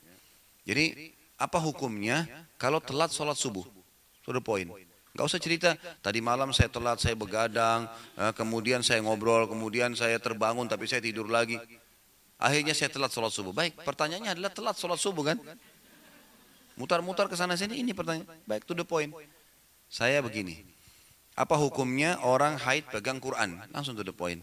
Saya tiap bulan haid itu bulan tanggal sekian sampai tanggal sekian ke mana-mana. Kan terlalu panjang ya. Jadi pertanyaan saya untuk the point. Kata Zir, saya datang karena ada beban dalam dada saya ingin tahu ya, masalah hukum mengusap telapak kaki, kaos kaki. Dan apa yang dia lakukan? Dia bertanya, dia mengatakan, kenapa saya datang bertanya? Karena saya tahu Anda adalah salah satu dari sahabat Nabi Shallallahu Alaihi Wasallam. Artinya, Anda pernah hidup sama Nabi. Pernah nggak Anda dengar Nabi sebutin berhubungan dengan hukum itu? Jadi di sini adabnya juga adalah saya bertanya karena saya yakin Anda ahlinya. Maka saya bertanya. Makna daripada ini juga ibu-ibu sekalian tidak boleh bertanya kepada orang yang bukan ahlinya. Tidak boleh kita tanya hukum kepada teman kita yang juga tidak ngerti apa-apa. Lalu kemudian dia ngarang-ngarang. Oh kayaknya begini. Kayaknya begitu. Tidak ada kayaknya dalam Islam ini. Harus betul. Halal, halal, haram, haram. Kalau nggak ngerti diam, maaf saya nggak tahu. Jangan tak, jangan sok tahu ini. Ini bahaya ya. Oh kayaknya begini deh. Lakukan aja begini. Akhirnya salah. Berbahaya ini. Pernah ada sahabat dalam satu peperangan ibu-ibu sekalian. Rupanya eh, dengan hikmah Allah batok kepalanya ini kena pedangnya musuh. Jadi luka gitu kan. Luka berdarah. So disobek bagian batok kepalanya. Maka dia pulang, masih hidup orang ini. Dibawa oleh para sahabat. Sambil mereka semampunya dibungkus dengan imamah, gitu kan. Zaman dulu tidak ada pengobatan medis kayak kita sekarang, nggak, nggak, nggak ada jahit, nggak ada segala. Maka orang ini subhanallah dengan hikmah Allah terjadi, waktu dia tidur malam hari tidurnya sambil duduk. Dia junub orang ini. Mimpi junub. Maka pagi hari waktu menjelang subuh mereka pasukan pada mau sholat. Dia tanya beberapa temannya. Betul sahabat Nabi juga. Tapi mereka bilang, apakah ada solusi buat saya? Kepala saya bocor gini nih. Gitu kan? Saya junub, harus mandi junub. Mandi junub berarti harus siram air. Ada solusi gak? Ada beberapa yang nyeletuk bilang, setahu kami nggak ada jalan kok harus mandi.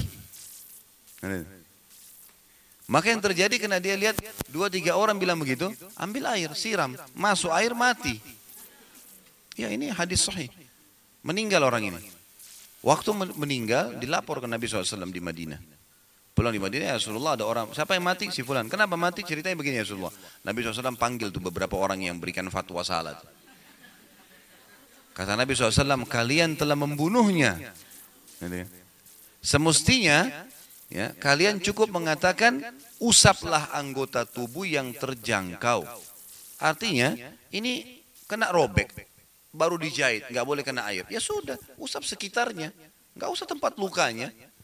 Karena itu keringanan dalam agama, gitu kan? Di sini Nabi SAW melarang orang sembarangan ngomong kalau nggak punya ilmu. Makanya jangan sok tahu. Bahaya. Soalnya kalau salah terus dia lakukan gimana? Bahaya sekali kan? Gitu. Jadi kalau nggak tahu maaf saya nggak tahu tanyain pada ahlinya. Seperti itulah. Ini pelajaran juga. Makanya zir ini jeli sekali. Dia bilang masalahnya dulu, saya telah ada beban dalam hati saya, masalah hukum mengusap khuf. Dan anda adalah salah satu sahabat Nabi SAW. Apakah anda pernah dengar dari Nabi ini? Ada, ada yang disampaikan nggak? Adabnya begitu. Itu pelajaran juga dalam masalah nuntut ilmu. Bagaimana seseorang tidak malu bertanya dan bertanya pada masalah yang sedang dia butuhkan. Serta bertanya pada ahlinya. Kata Nabi SAW, kalau kalian meletakkan sesuatu bukan pada ahlinya, tunggulah kehancuran. Yang ketiga, di sini bagaimana seorang guru memberikan jawaban yang dia tahu dan butuh rincian. Sebagaimana di sini, kalau tadi orang bertanya itu bertanya poin yang dia inginkan dan tidak usah banyak lika-likunya. Tapi kalau orang yang menjelaskan butuh lika-liku. Butuh penjelasan, rincian. Karena rincian dalam masalah hukum seperti sebab turunnya ayat, sebab disebutkannya hadis atau sebab berurut, itu kan? Ini penting, membuat iman lebih tertanam kepada si penanya. Makanya tidak salah kalau seorang dai atau ustadz dia malah menceritakan, mendatangkan kisah, mendatangkan sebab tuh sebutkan hadis. Karena itu lebih mengena ke audiensnya kan. Beda dengan orang yang bertanya dia harus to the point. Di sini diambil dari pelajaran yang Safwan radhiyallahu anhu mengatakan, "Ya, beliau memerintahkan kami apabila kami sedang dalam safar agar tidak melepas khuf." Sebenarnya Safwan bisa jawab apa? Sudah, kamu kalau safar boleh tiga hari. Mukim satu hari. Selesai kan? Tapi ini belum memuaskan audiens ini. Harus dirincikan ini. Di sini dikatakan beliau iya, beliau memerintahkan kami lihat rincinya ya. Apabila kami sedang dalam safar agar tidak melepas khuf kami selama tiga hari tiga malam, kecuali karena janabah hadas besar, ya.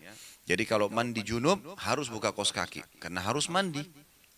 Selain junub boleh usap, gitu kan? Akan tetapi tidak melepasnya karena buang air besar dan kecil. Serta juga tidur. Kalau orang tertidur pakai kaos kaki. Kemudian dia bangun, batal wuduknya kan? Maka dia cukup usap lagi kaos kakinya. Tentu semua anggota tubuh yang lain tetap. Perhatikan ya, sudah pakai bahasa Indonesia ini. Jangan cuma, oh kalau gitu bangun tidur, uduk, ndak usah uduk semua, kaos kaki aja diusap selesai sholat. Bukan. Satu-satu, kaos telapak tangan, kemudian mulut sama hidung, wajah, semua tetap. Nanti kakinya saja yang kaos kakinya diusap. Jelas ya? Sebab ada pernah orang salah gunakan nama saya ini. Waktu lagi kumpul beberapa ikhwah, teman-teman laki-laki pada kumpul, terus ada satu orang sendawa ngeluarin angin gitu ya, dari tenggorokannya. Terus dia bilang alhamdulillah. Orang ini bilang sebenarnya pengucapan alhamdulillah tidak ada perintah di situ ya. Tapi kalau orang mau bersyukur kepada Allah karena dia anggap ini adalah mungkin angin keluar, mungkin ada babnya sendiri. Ulama masih mengatakan masih boleh, tapi dia jangan menganggap itu sebuah rutinitas. Karena bukan tidak ada tidak ada sunnah Nabi di situ. Tapi rupanya ada satu teman lagi bilang, Yarhamkallah. Ini kan untuk bersin ya. Jadi dia bilang, Alhamdulillah ini bilang, semoga Allah rahmati kau. Yang sedang sendawa bilang, memang ada sunnahnya. Tanya ke dia. Dia bilang, Ustadz Khalid yang bilang. Ini kebetulan teman-teman ini mahasiswa-mahasiswa yang lagi belajar sama saya. Waktu di Makassar saya buka semacam kelas untuk pelatihan belajar agama tadribu duat namanya. Dua tahun belajar intens menghafal Al-Quran dan menghafal sekian banyak hadis untuk jadi dai. Jadi kita ringkaskan dua tahun padat mereka kuliah gitu kan. Tapi ini waktu itu kita buat memang ada laki-laki ada perempuan kan. Tapi yang jelas ini kelasnya laki-lakinya nih. Ini kebetulan yang bilang ya rahamkallah dulu waktu saya masih SD di Makassar teman SD saya nih. Wah ini dia bilang Ustadz Khalid yang bilang dan ini teman SD-nya. Pasti lebih tahu nih. Rumahnya pada diam semua ini nggak tahu apa-apa gitu. Mereka juga mau nanya, mereka malu nanya. Satu waktu lagi duduk santai, saya lagi ngobrol-ngobrol sama mereka di kantor. Kemudian ada yang bilang, Ustaz, emang benar orang kalau sendawa bilang Alhamdulillah, terus yang dengar bilang Yarhamkallah seperti bersin. Saya bilang nggak benar. nggak pernah ada hadisnya masalah itu. Sendawa bilang Alhamdulillah nggak ada hadisnya. Bilang Yarhamkallah juga tidak ada hadisnya. Dia bilang, tapi si Fulan disebut namanya. Si Fulan bilang, Ustadz bilang gitu. Saya panggil dia. Kapan saya bilang begitu? Oh, kayaknya. Nah ini kayaknya yang jadi masalah ini. Hah? Makanya saya bilang saya sudah pakai bahasa Indonesia ya. Jelas. Udu lengkap kecuali kaki saja. Kita sedang bahas masalah itu. Ya. Baik selanjutnya di sini ada potongan. Itu pelajaran kita yang Keberapa tadi? Hah? Bukan. Kan kita sedang mengambil pelajaran-pelajaran dari hadir. Yang pertama apa? Fadilah menuntut ilmu ya. Kemudian yang kedua? Ya. Adab bertanya. Bertanya itu harus pada hal yang tepat. Ya. Bagaimana adab bertanya murid, dia tidak lika-liku dalam bertanya. Yang ketiga, masalah guru. Bagaimana guru menjawab dengan rinci supaya lebih jelas. Jadi beda. Kalau gurunya boleh lika-liku bertanya, menjelaskan ini itu, memberikan contoh-contoh sampai lima contoh supaya lebih jelas gitu. Selanjutnya kita ambil pelajaran yang keempat tentang hukum mengusap kaos kaki. Bagi mukim Mungkin berarti bukan musafir sehari semalam dan bagi musafir tiga hari tiga malam selama tidak junub. Selama tidak junub. Selanjutnya pelajaran yang ke lima.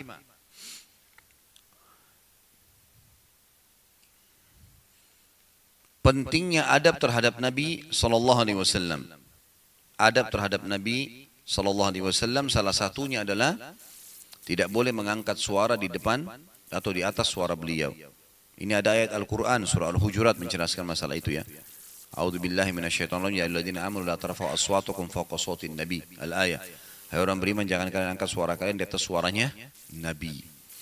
Kata ulama hadis kalau Nabi SAW masih hidup kita nggak boleh kalau volume suara Nabi 6 kita 5 kita 4 harus lebih rendah nggak boleh lebih keras gitu. Dan ini sahabat sangat jaga ini. Sampai seorang sahabat namanya Thabit bin Qais radhiyallahu anhu Waktu turun firman Allah tadi, jangan angkat suara kalian dari suara Nabi. Dia tiga hari nggak keluar rumahnya. Tiga hari nggak keluar rumahnya. Karena suaranya dia keras. Dia terkenal dengan khatibnya Nabi SAW. Dia kalau kalau Nabi suruh ada orang yang datang nantang syair atau apa bertanya, selalu Thabit yang disuruh bicara. Kamu bicara hai Thabit. Karena orangnya luar biasa gitu, suaranya lantang, kata-katanya fasih, bagus gitu. Dia turun ayat ini dia tiga hari nggak keluar rumah. Lalu Nabi SAW tanya, biasanya habis sholat Nabi sering nanya, mana si fulan, mana si fulan. Kalau sakit dijenguk, kalau meninggal di takziah rumahnya. Selalu gitulah. Kalau musafir, di apa bisa dibantu keluarganya. Jadi Nabi selalu kontrol orang-orang ini. Gitu kan. Ditanya kepada Sa'ad bin Mu'ad, sahabat Nabi yang lain. Kebetulan satu suku, dari Khazraj, dari suku Madinah. Mana Thabit, kata Nabi SAW. Saya nggak lihat dia. Apa dia sakit? Kata saat saya tahu saya dia tetangga saya tapi tidak sakit ya Rasulullah. Artinya ada di halaman rumahnya, ada aktivitas sehari-hari. Kata Nabi, kenapa saya nggak lihat dia tiga hari? Coba tanyain. Saat bin ke sana, tanya, Hai Thabit, kenapa? Dia bilang, kalian tahu suara saya sangat besar, gitu kan? Dan setelah turun firman Allah, saya mendapat, saya merasa diri saya adalah orang yang melampaui suara Nabi. Saya takut ketemu dengan Nabi, lalu suara saya lebih tinggi, maka habislah amal saya. Karena ayat itu berbunyi, maka akan habis amal kalian sementara kalian tidak sadari, gitu kan? Baik, itu kalau Nabi SAW masih hidup. Kalau Nabi sudah meninggal, kayak kita sekarang, adabnya adalah kalau hadis-hadis beliau sedang disebutkan jangan diputus. Enggak boleh diputus. Misalnya ada orang yang sedang mengatakan Rasulullah SAW bersabda, Innamal a'malu. Bentar Ustaz nanya. Enggak bisa ini. Enggak boleh potong hadisnya. Lagi penyampaian hadis biarin. Seperti ayat enggak boleh potong. Sampai selesai ayat. Begitu juga dengan hadis. Nah ini masuk dalam masalah bahasan kita. Nggak boleh ngangkat suara atas suara Nabi termasuk adabnya tidak boleh memotong. Sampai Imam Malik rahimahullah, seorang dikenal dengan Imam Imam Darul Hijrah ya. Beliau adalah ulamanya Madinah. Madinah dikenal dengan Darul Hijrah, tempat hijrahnya Nabi Sallallahu Alaihi Wasallam. Beliau itu setiap kali mau menyampaikan hadis pasti selalu mandi, pasti selalu pakai baju bagus, pakai selalu pakai pakai minyak wangi. Ditanya kenapa anda lakukan itu, dia bilang saya akan sampaikan hadis Nabi SAW. Mulia sekali, gitu kan? Maka beliau adabnya beliau pakai baju baru, beliau mandi, beliau pakai wangi-wangian, seperti itulah.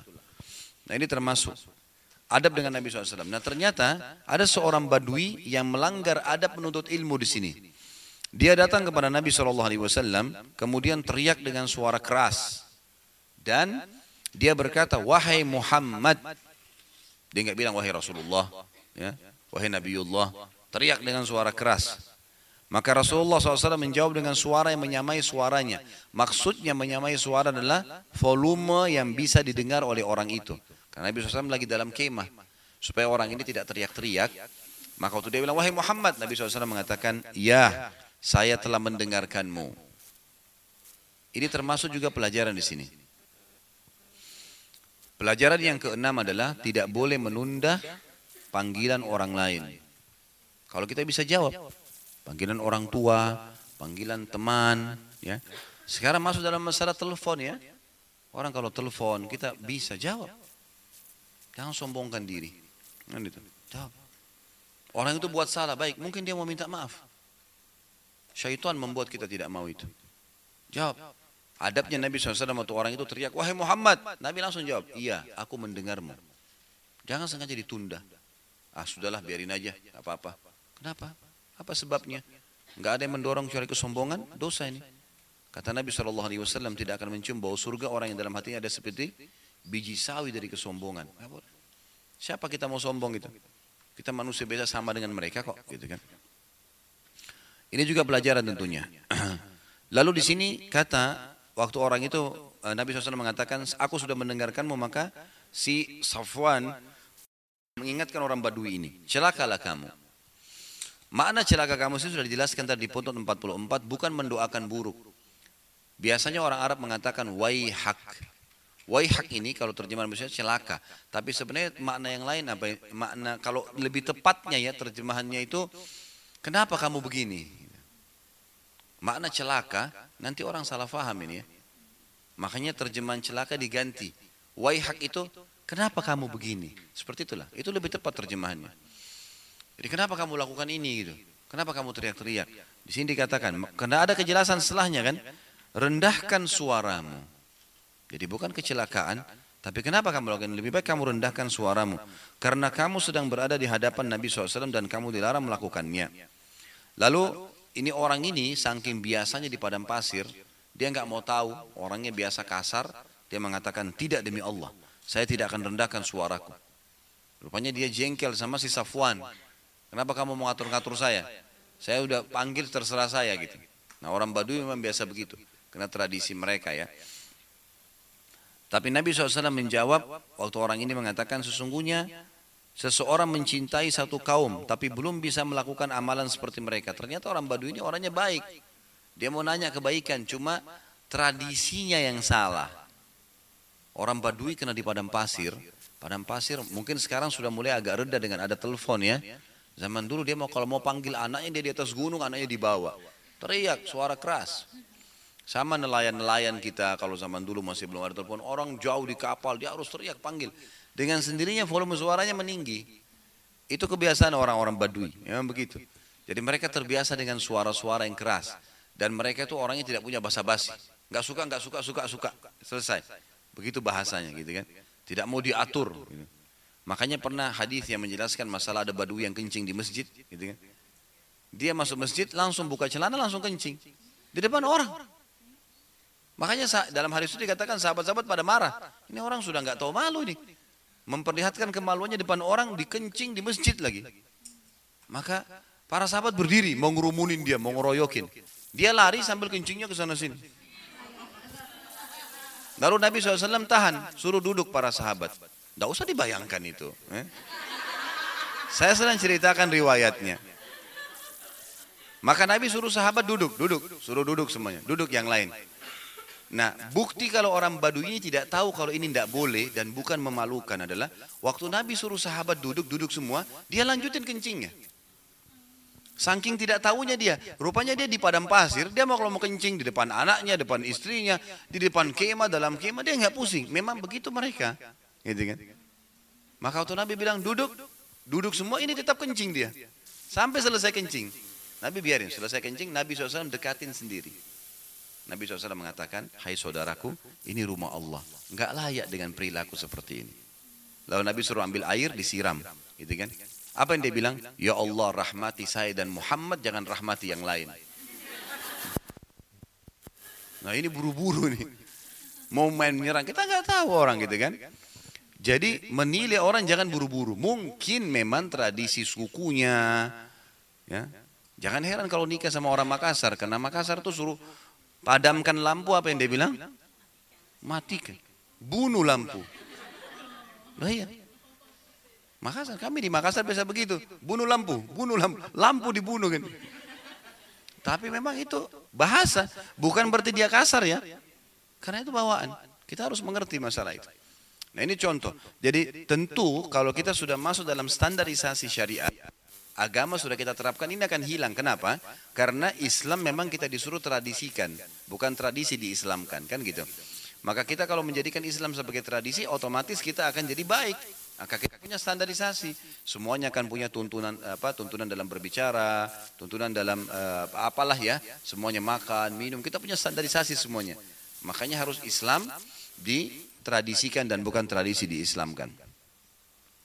Maka pertanyaan Badu ini sangat baik sebenarnya dan ini dibutuhkan. Sampai sebagian sahabat mengatakan, kami sering kali mendapatkan manfaat dari pertanyaan-pertanyaan teman-teman kami Badui. Karena mereka tuh the point bertanya. Apa orang ini bilang? Bagaimana dengan orang yang mencintai satu kaum, tapi mereka belum sama amalannya? Maksudnya apa? Badu ini bilang, ya Rasulullah, kalau saya mencintai anda, saya mencintai orang-orang soleh ini, tapi saya belum bisa buat seperti kalian. Bagaimana nasib saya? Maka jawaban Nabi SAW, seseorang itu akan bersama orang yang dia cintai pada hari kiamat. Walaupun amalnya belum sama. Ya. Ini penting garis bawah kalimat ini. Saya titip pesan ibu-ibu sekalian, bawa ke akhirat dua hal, jangan bawa dua hal. Bawa ke akhirat amal saleh dan teman-teman saleh. Tentu kalau ibu-ibu teman saleh, gitu kan? Ini harus. Jadi ibu targetnya dari amal soleh ke amal soleh. Dari sodaka ke zikir. Zikir baca Quran. Apalagi nih? Amal soleh, amal soleh. Terus ibu kan. Apalagi, apalagi, apalagi. Lagi tidak ada kerjaan di mobil putar ceramah, dari ceramah putar tilawah. Terus jangan sibuk dengan yang lain. Selalu amal soleh, 24 jam itu terus. Kita cuma tidur, tidur pun niat kan bisa jadi ibadah. Ingat, yang mubah bisa jadi ibadah. Tidur niat supaya lebih kuat bangun sholat malam, lebih kuat aktivitas besok, merawat jasad yang sedang Allah amanahkan pahala. Daripada capek tidur, selesai. Mubah, tapi nggak ada pahalanya. Bisa diubah jadi pahala loh ya. Sesuatu yang mubah bisa dengan niatnya. Maka jadikan semua hidup kita pahala. Dan yang kedua amal solehnya. Harus. Eh maaf teman-teman soleh. Teman-teman soleh. Jam berapa ini? Setengah sebelas ya? Ya. Teman-teman soleh ini penting. Dalam sebuah hadis dikatakan, nanti akan ada orang-orang mukmin masuk ke surga, kemudian dia berkata, mereka berkata pada Allah, ya Allah, saya ingin, uh, saya ingin Eh, apa maaf, saya saya mencari teman saya si fulan dulu bersama saya dunia saya tidak temukan. Maksudnya sekarang tidak di surga, di neraka nih. Kata Allah SWT, jemputlah temanmu itu. Jemput, suruh jemput dibawa ke surga. Jadi teman, mulai sekarang bu, temannya cuma yang solihah saja. Ini yang fasikah ini yang buruk semua sudah jauh, selesai. Tetap kenal, tapi bukan sahabat. Bukan teman kita tiap hari telepon, janjian bukan lagi. Memang yang betul-betul ibadahnya luar biasa dan target yang lebih baik dari kita. Kan gitu. Kalau kita berteman dengan orang yang rajin, kita jadi rajin. Kita berteman dengan orang yang malas, kita jadi malas kan? Orang pengangguran, kita jadi pengangguran. Kita berteman sama orang prestasi, kita jadi berprestasi. Itu penting. Kan. Yang kedua, ini jadi yang pertama, bawalah amal soleh dengan teman soleh. Dan jangan bawa dua hal. Ini yang kedua. Jangan bawa dosa dan jangan bawa musuh. Gak boleh ada musuh ini bu. Jangan punya masalah. Ada orang dari bangun tidur sampai tidur musuh semua dibuat sama dia. Habis gosipin si fulan pindah kepada si fulan. Habis fulan pindah si fulan. Sibuk dengan itu terus. Kan gitu. Musuh semua ini. Bahaya ya. Orang nonton film ada penjahatnya. Wah ini orang buruk mukanya. Itu sudah musuhnya itu. Hah? Musuh bukan? Bagaimana caranya kalau berhubungan sama masalah sama manusia? Minta maaf sama dia, bisa ketemu nggak? Buat musuh nggak? Ada orang dua jam nonton film ini, dua jam nonton film ini, terus pindah-pindah. Musuhnya tiap hari banyak. Dari gosip ke gosip. Ada orang tidak ada hubungannya ibu-ibu, urusannya ibu-ibu di dapur sama teman-teman yang baik. Ini urus politik. Si fulan, pejabat ini ribut. Apa, apa urusannya? Sampai saya nasihati sekarang banyak jemaah saya laki-laki. Teman-teman sekalian, bicaralah kalau punya ilmunya dan memang bidangnya. Ini di warung kopi, di sebelah got bicara masalah politik. Ini gimana? Dan lebih hebat daripada orang-orang politik itu. Penonton lebih pintar daripada pemain. Pemain bolanya tendang meleset, bodoh. Kok bodoh? Belum tentu kalau dia masuk dia bisa tendang benar. Jadi nggak boleh. Jangan urus yang bukan urusan kita. Kata Nabi SAW, da, uh, da ma yaribuka ila ma la yaribuk. Tinggalkan sesuatu yang tidak bermanfaat untukmu kepada sesuatu yang bermanfaat. Datangkan pahala atau enggak nih. Kalau enggak, jangan diurus. Gitu kan? Jangan diurus. Istri saya kalau sudah banyak bicara, hati-hati. Ini di atas ngawasin loh. Ini jangan. Cerita ini cerita itu cerita macam-macam. Ada manfaatnya enggak? Kalau enggak ada gunanya untuk apa gitu? Jadi nanti gitu ya.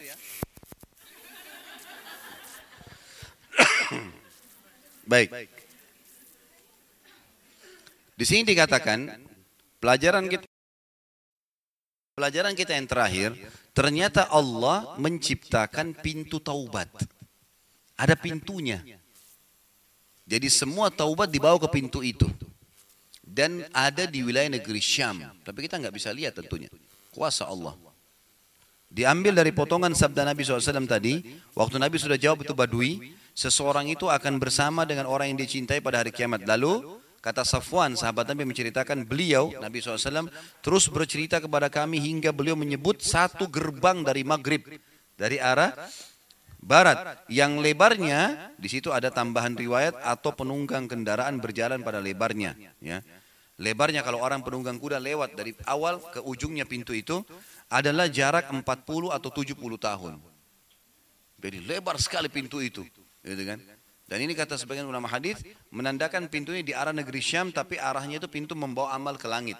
Karena semua amal akan dilaporkan ke langit. Kan itu. Kuasa Allah kita tidak bisa tahu tapi kita mengimani masalah itu. adanya pintu taubat. Sufyan salah satu dari rawi berkata arahnya negeri Syam. Negeri Syam yang kita sudah tahu dan tadi saya bilang Libanon, Syria, Palestina dan uh, apa Yordania.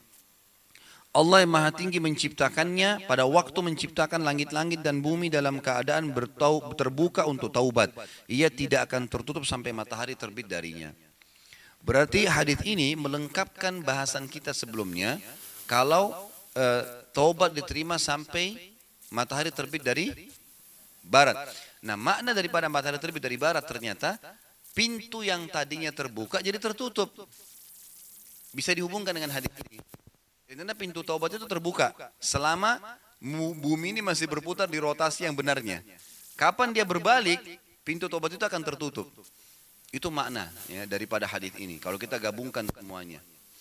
Intinya kesimpulannya adalah Taubat sangat terbuka bagi orang yang mau melakukannya. Selama memang dia belum meninggal ya. Kalau secara individu. Dan untuk globalnya manusia selama matahari belum terbit dari barat. Allahu a'lam bisawab. Kita berdoa kepada Allah SWT semoga majelis kita diberkahi olehnya dan jadikan sebagai tambahan amal kita pada hari kiamat. Dan semoga semua dosa yang pernah kita kerjakan diganti dengan kemahamurahannya menjadi pahala. Dan semoga semua pahala yang atau amal soleh yang pernah kita kerjakan dan akan kita kerjakan selama ajal belum datang diterima dengan kemahamurahannya pula. Dan kita mendoakan agar seluruh Indonesia terutama Jakarta diberikan semua wilayah diberikan pemimpin yang muslim yang adil kembali kepada Al-Quran dan Sunnah dan semoga Allah berikan hidayah presiden dan seluruh jajaran pemerintahan kita agar kembali kepada Islam dan Al-Quran dan Sunnah dan semoga Indonesia menjadi contoh bagi negara-negara yang lain dan kita mendoakan saudara kita di Palestina, di Syria, di Yaman, di Irak, di Myanmar, di Ahsa, di mana pun mereka berada sedang tertindas.